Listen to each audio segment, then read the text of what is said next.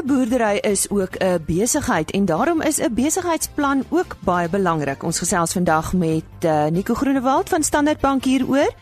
Verder praat Dr Trudy Prinsloo oor miltsiekte en voltansenekal van Villa Crop Protection verduidelik waarom effektiewe toediening by gewasbeskermingsprodukte so belangrik is. My naam is Lise Roberts en u is ingeskakel by RSG Landbou op hierdie Woensdag, 14 Augustus. Ons gesels volgende vanoggend met Villa Crop Protection. Ons vind bietjie uit wie hulle is en wat hulle vir ons landbouers kan doen en ons gesels onder meer met uh, die streekbestuurder van die sentraalstreek en dit is Voltan Senekal. Voltan, wie is Villa Crop Protection? Vertel ons bietjie. Um, Villa Crop Protection is 'n uh, gewasbeskermingsmaatskappy. So uh, ons verskaf uh, aan die landbouindustrie onkruiddoders, swamdoders, insekdoders, adjuvante, ag 'n reeks van produkte wat help om 'n boer dat hy sy oes kan beskerm en aan die einde van die dag 'n oes kan maak. En uh, ons is 'n Suid-Afrikaanse maatskappy, hoewel so 3 jaar gelede het 'n Amerikaanse maatskappy, Land O'Lakes Winfield United, het uh, die beheerende aandele gekoop. So ja ons is seker meer Amerikaanse maatskappy deesdae as wat ons 'n Suid-Afrikaanse maatskappy is en uh, al het baie klompie jare 23 24 jaar wat ons al in die bedryf is in die industrie. Jy het nou nou so 'n uh, woord gebruik adjuvante. Presies wat is dit? Ja ek dink 'n maklike woord dalk vir 'n adjuvant is uh, is 'n byvoegmiddel.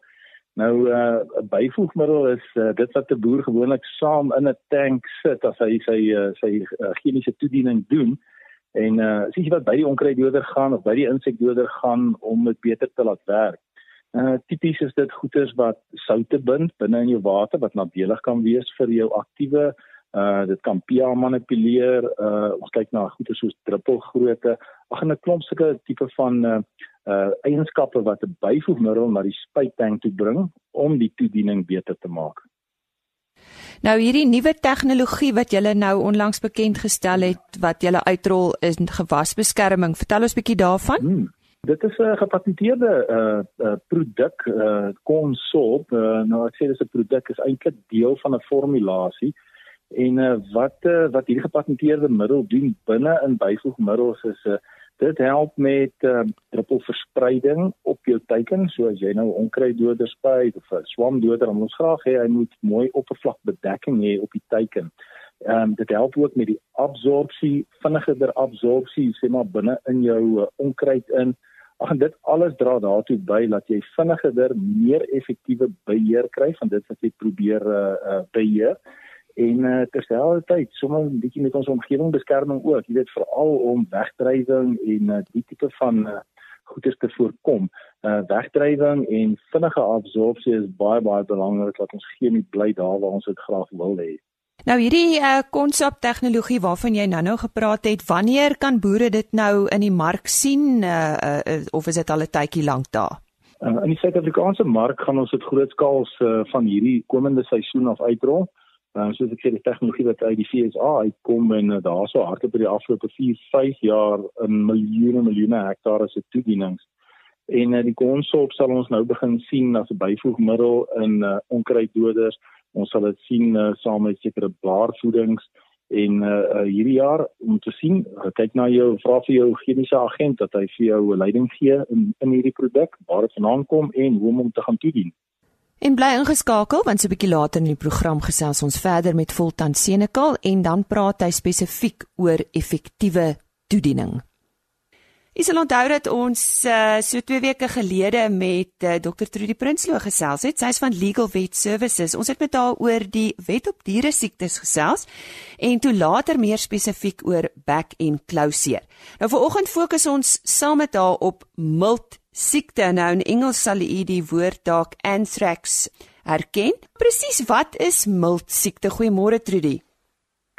Môre Lize. Ja, mild siekte is een van die oudste siektes wat bekend is aan mense en is ongelukkig ook 'n dodelike siekte.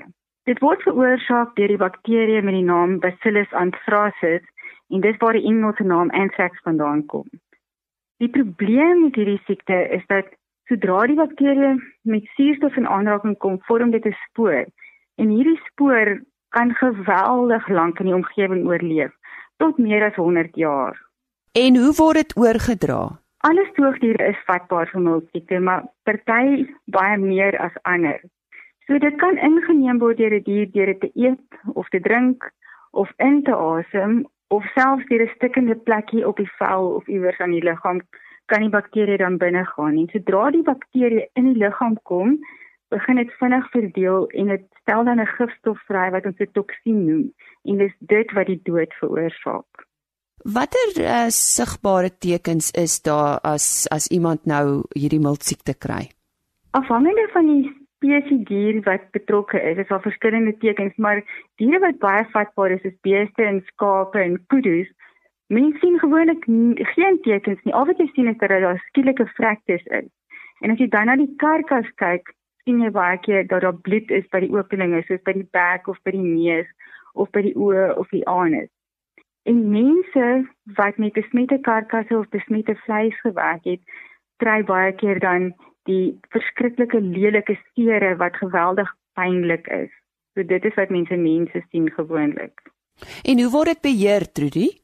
Die eerste belangrike ding om dit te beheer is deur inenting. Die regulasies vereis dat alle beeste in die land een keer 'n jaar ingeënt moet word. Maar daar's geen rede hoekom bokke en skape in areas waar dit gereeld voorkom nie ook jaarliks ingeënt moet word nie en dit word baie sterk aanbeveel. Selfs wild in areas waar dit gereeld voorkom kan ook ingeënt word daarteenoor. En dan as daar uitbreke is van multiple met mense natuurlik onmiddellik die staatsveearts in kennis stel wat die area onder kwarantyne sal sit En dit is belangrik dat mense glad nie aan karkasse of vleis moet raak nie en dit net moet los waar dit is tot die staatsraad besluit het wat daarmee moet gebeur. Nou wanneer daar vermoed word dat miltsiekte die oorsaak is van dood by diere, wat is belangrik om in ag te neem? As gevolg van hierdie spoor wat so lank in die omgewing oorleef, is dit geweldig belangrik dat die hantering en vernietiging van karkasse en die ontsmetting van die omgewing reg gedoen moet word. Dis eerstens belangrik dat net veeartse en beamptes 'n snit mag maak in 'n karkas. 'n Karkas mag nie verwyder word van waar hy is nie. En karkasse moet begrawe word. Daar's twee maniere hoe dit gedoen kan word. Die eerste is dat karkasse verbrand of veras kan word en die oorskot dan begrawe word ten minste 1.3 meter diep onder die grond. As dit nie moontlik is om dit te verbrand nie, dan kan hulle ook ten minste 1.8 meter diep begrawe word en met gebluste kalk gedek word voor hulle toegegooi word. En ehm um, enige items wat in aanraking was met hierdie karkasse soos skoene, klere, toerusting, handskoene ensovoorts moet ook vernietig word en verbrand word tensy dit behoorlik ontsmet kan word. En diere wat onder kwarantyne is, mag glad nie eers geslag word sonder die toestemming van die staatsveearts nie. Nog baie belangrik is geen vleis of melk mag onder enige omstandighede gebruik word nie. Dit moet ook vernietig word saam met karkasse. Trudy, is dit nodig om soveel mense of bure om jou te verwittig van so iets op jou plaas? Ja, dit is natuurlik 'n baie goeie beginsel in die algemeen, maar die wet onder artikel 11 vereis ook dat mense al jou bure moet inlig. En dit is belangrik sodat mense wat dan potensieel blootgestel kan word, kan voorsorgsmaatreëls tref. Dit is veral belangrik sodat mense weet as daar skielike vrektes is dat hulle nie per ongeluk die karkasse hanteer en besmet raak nie. En is ook belangrik om byvoorbeeld alle mense wat vee gekoop het in die voorafgaande 30 dae in te lig veral abattoirs waar potensiële besmette diere dan kon geland het. Wat van menslike kontak met sulke diere kan kan ons behandeling kry daarvoor? Ja, maar ek moet in die eerste plek net eers noem dat dit ook 'n uh, aanmeldbare siekte is onder die wet op gesondheid. So as mens enigsins vermoed dat daar menslike gevalle is, moet dit aan die departement van gesondheid ook aangemeld word. En iemand wat vermoed dat hulle dalk in kontak was met miltsiekte, moet dadelik hulle mediese dokter in kennis stel. Daar is effektiewe antibiotika soos byvoorbeeld penicillin wat gebruik kan word, maar hoe vroeër dit gebruik word, hoe beter van die antibiotika is effektief teen die bakterieë en nie teen die toksien nie. Trudy, is daar sekere gebiede wat meer vatbaar is vir miltsiekte? Daar is twee areas in Suid-Afrika waar miltsiekte gevestig is en gereeld voorkom. Die eerste is die Kruger Nasionale Wildtuin en dan is daar dele in die Noord-Kaap soos die Kaapplateau, Spitsdrift area, Kuruman en 'n baie klein area in die Rigtersveld waar dit gevestigde siekte is. Ons noem dit ook endemiese siekte. Maar enige plek waar daar voorheen miltsiekte voorgekom het, kan hierdie bakterieë die spore dan in die omgewing oorleef en is dit 'n plek waar mense in die uh, in die toekoms potensieel weer miltsiekte kan verwag. En in hierdie areas moet mense asseblief jaarliks hulle diere inent, nie net die beeste nie, maar alle vatbare diere. Waar kan ons meer lees oor hierdie siekte? Wat is die beste? Wat stel jy voor, Trudy? Wel, miltsiekte inligting is beskikbaar op die departement van landbou, bosbou en visserye se webwerf en hulle webwerf is www.daff.gov.za en um, enige inligting as daar uitbreke en so is sal ook op die um, National Animal Health Forum se webwerf beskikbaar wees. Dit nhf.co.za. Haar sê baie dankie aan Dr. Trudy Prinsloo, soos altyd op haar pos met uh, belangrike inligting oor uh, algemene siektes wat uh, voorkom en sy het vanoggend met ons gesels oor milt siekte. Ek sal ons hou dat ons uh, vroeër met Villa Crop Protection gesels het en ons het so 'n bietjie uitgevind wie hulle is en uh, ons het daar gesels met Voltan Senekal. Nou uh, ons praat onder meer vandag oor uh, effektiewe toediening as dit kom by gewasbeskermingsprodukte. Nou verduidelik eers vir ons Voltan wat word bedoel met effektiewe toediening? Ehm um, die effektiewe toediening is vir ons baie belangrik. Uh, ons kry baie kere dat uh, die produkte wat uh, um, die boer toedien vir gewasbeskerming nie altyd na wense werk nie. En dan is dit nie 'n kwessie van dat daar so 'n probleem is met die produk of die formulasie nie, maar dit is bloot die toediening wat uh, nie na wense is nie. En uh, wanneer ons sê effektiewe toediening, dan moet ons faktore soos die spuitvolume in ag neem. Jy weet hoeveel water per hektaar spuit jy? uh, wat 'n spoedspuit hierdie trekker mee of hierdie hoogloopspuit mee, wat is die druppelgrootte, wat se druk is betrokke, uh die omgewingstoestande uit die hart van die saak speel ook 'n geweldige groot rol. Jy weet in uh, in Swaziland met 35 grade Celsius 11 uur in die oggend is toediening bitter moeilik, veel moeiliker as miskien ook op die hoëveld waar die temperature en die humiditeit te laag is. So um, effektiewe toediening is vir ons belangrik. Uh, ons het oor die afgelope klompie jare binne in Villa Crop Protection baie moeite gedoen om data te begin bymekaar maak oor druppelgrootte, verdampingstempos en dan uh, hierdie hierdie data kan dan ons vir vir die boere in die ou terugvat om vir hom te gaan wys waar lê sy risiko, waar lê sy optimale toedienings uh, tyd en metodes. Dan gaan dit help hom ook uh, om 'n beter ervaring te hê met uh, die hele gebruik van landboubeskermingsprodukte en sy boerdery ook dan soveel meer effektief te maak. Voltan, jy het nou gepraat van 'n druppelgrootte. Nou, dis nou nogal interessant. Hoe meet mens dit? Ja, dis 'n dis 'n moeilike ding. Uh, jy weet daar is 'n spesifikasie op die spuitpunt wat op die uh, spuitmasjien is wat vir 'n ou sê jou gemiddelde druppelgrootte onder 'n bepaalde druk. Nou, boere sal weet waarvan ek nou praat.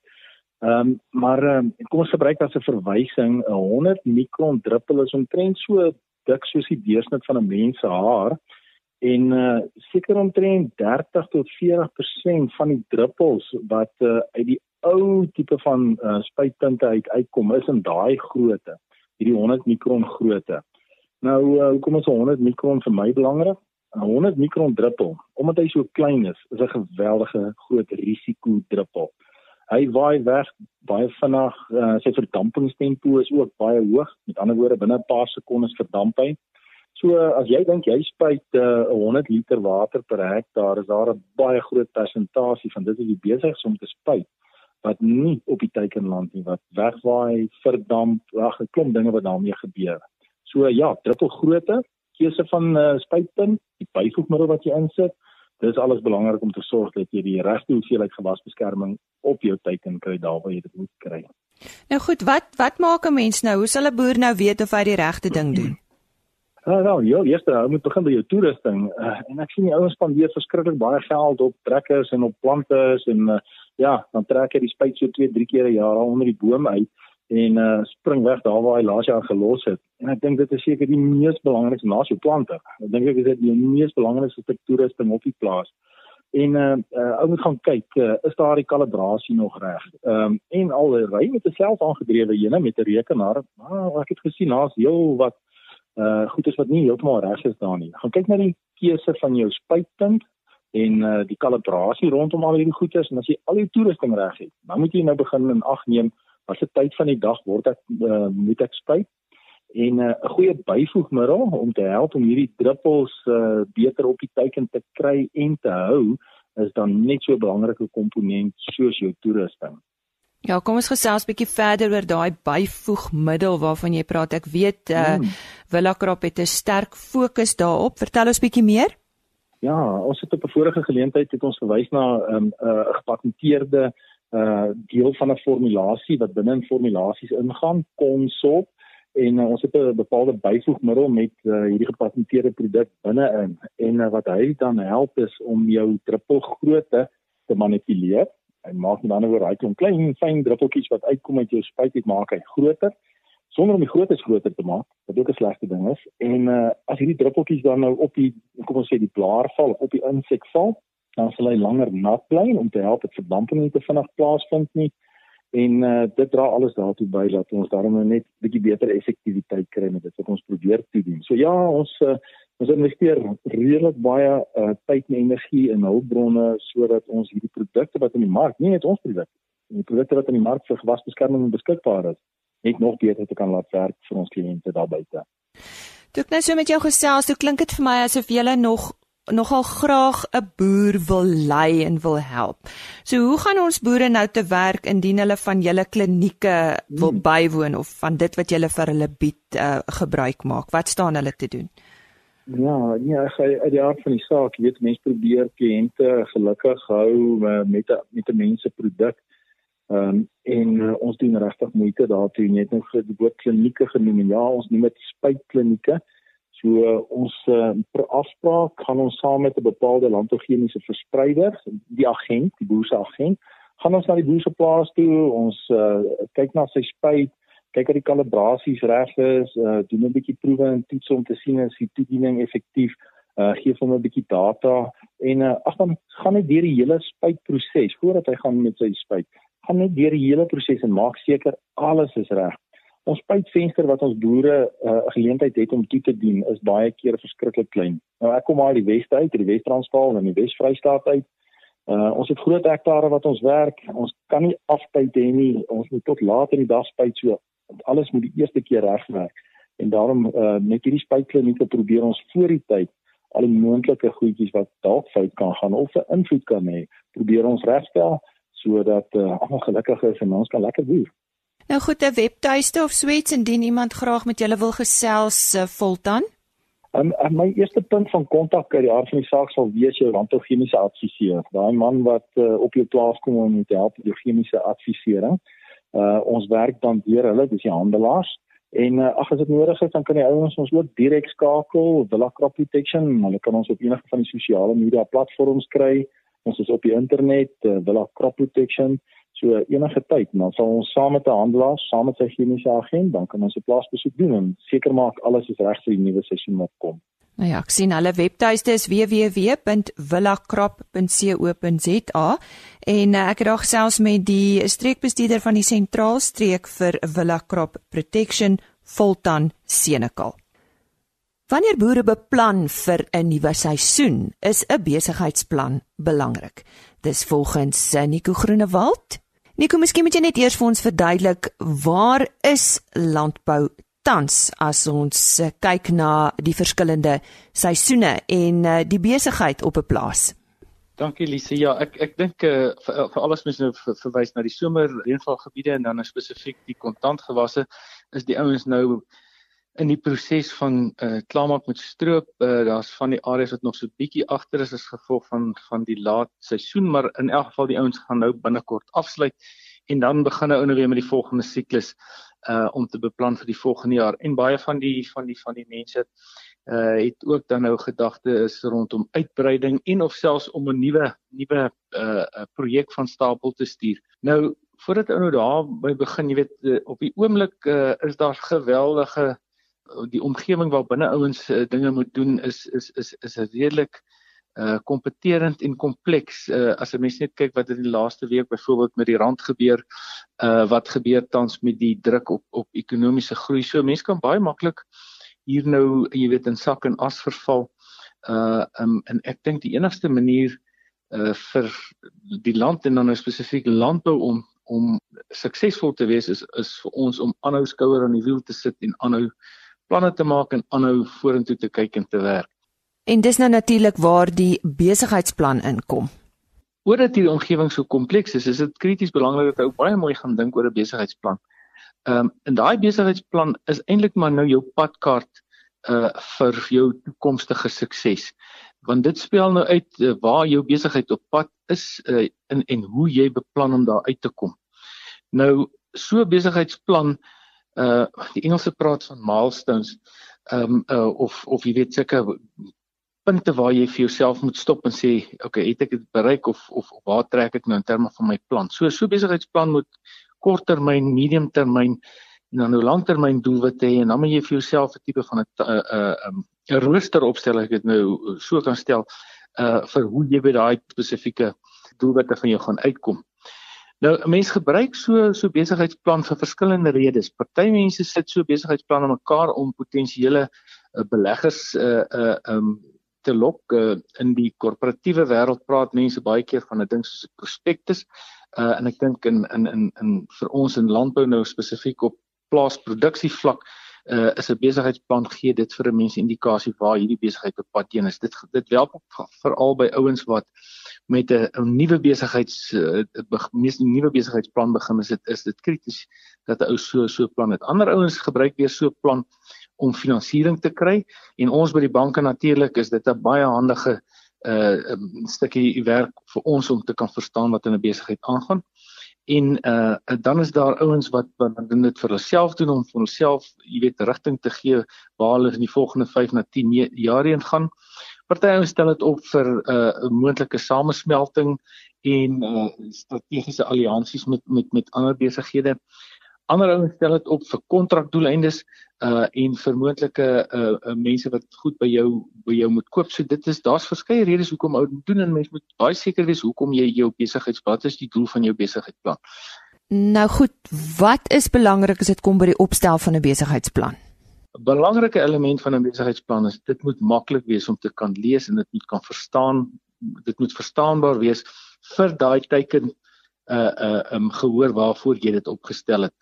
Uh ons praat altyd in die bank van 'n sogenaamde bankable of 'n bankbare 'n uh, plan en daai plan moet van so aard wees dat iemand wat nie noodwendig op dieselfde tegniese vlak is as wat jy is, jou besigheid in plain Afrikaans kan verstaan en dis dis dis krities belangrik en in so 'n plan vra ou dan nou vir jouself 'n paar vrae.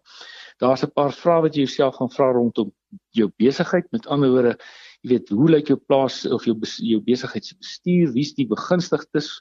Ehm um, die tipe van wat is die die geskiedenis van jou grond en dit is nou die, uh, van jou plaas en en hoe is uh, wat is die potensiële mense wat wat 'n belang by die besigheid gaan hê. So daar's 'n klomp vrae wat jy rondom jou besigheid vra.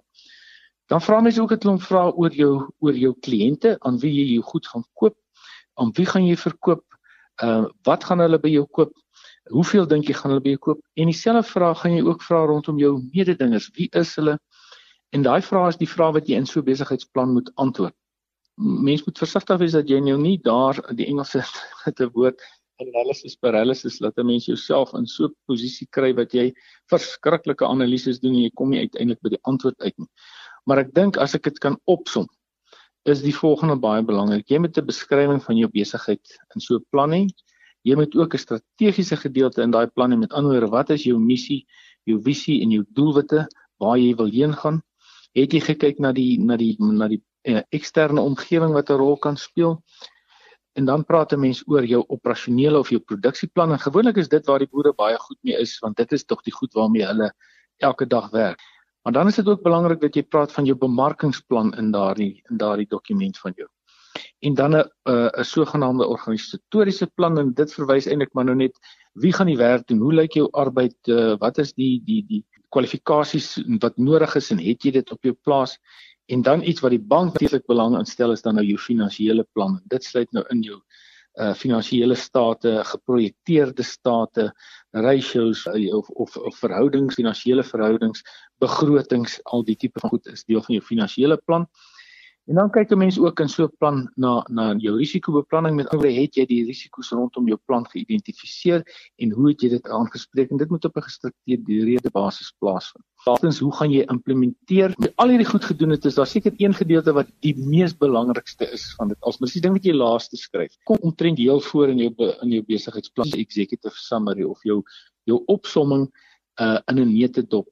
In daai executive summary is seker die dokument wat die of die wat die moeilikste is om te skryf want jy moet al daai omvattende goed wat ek nou aanspreek het moet jy kan opsom in iets wat plus 5% is van jou hele dokument nie. Verkieslik met 'n ou so so so so so opsomming uh, wil ek amper sê as jy as jy hier by 2 2 na 3 bladsye verbygaan uh, dan gaan jy ook jou gehoor verloor. Maar in daai dokument kom die kruks van alles wat jy gedoen het bymekaar. As jy nou al hierdie goed gedoen het en jy daai besigheidsplan bymekaar gesit, jy dan nou vir watter rede jy ek nou vroeër genoem het, jy kan gebruik om om na 'n finansierder of 'n belegger of vir wie ook al of jou of miskien vir iemand wat wat by jou goed wil koop, dan daai dokument uh, redelik volledig in en en dit is deel van daardie jy weet daar's 'n spreekwoord wat sê uh failing to plan is planning to fail en so dokument gaan vir jou getrou hou by waarheen jy wil heen gaan.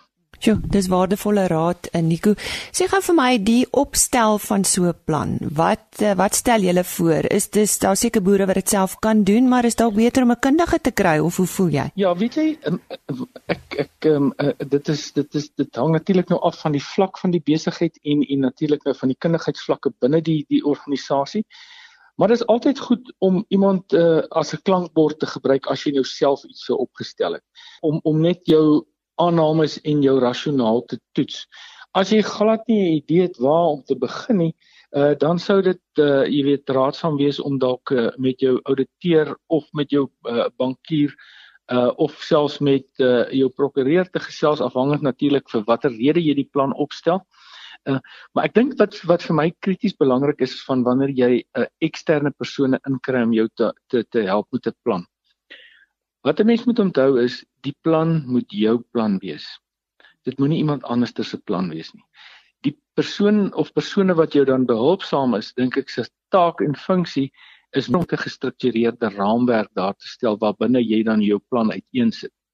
Maar jy is die beskikker van jou lot en jy moet seker maak dat daardie plan vir jou aanvaarbaar is en dis wat jou plan is want môre oormôre dan loop so ding skeef en dan wonder jy waar het die ding verkeerd gaan maar dan was dit nie eintlik jou plan gewees nie. So is krities belangrik dat jy die orkestreerder van die plan is de, uh, om dan nou die eksterne mense in te kry om jou te help om dit te omskryf en dit te uh, jy weet verwoord en selfs dan nou te help met byvoorbeeld die begroot finansiële vooruitskouings en so plan ek dink dit is baie handig om om om dit te doen veral as jy dan nou nie intern in jou in jou besigheid iemand het wat dit kan doen nie maar daai daai onderliggende uitgangspunt van my uh, dink ek is is is belangrik dat jy moet seker maak dat dit jou plan is en dat dit nie iemand anders se plan is wat nie dalk vir jou nie gaan werk nie. Waardevolle raad vanaf Nico Groenewald hoof van agribesigheid by Standard Bank Kom ek vertel vir u wat môre oggend op ons program is. Ja, ons ontmoet die 2019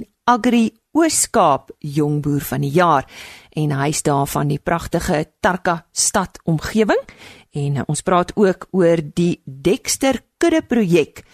Hulle is betrokke by die landbou skool Hendrik Potgieter daar op Reddersburg. Totsiens. RSC Landbou is 'n produksie van Plaas Media Produksieregisseur Henny Maas. Aanbieding Lisa Roberts. En inhoudskoördineerder Jolandi Root.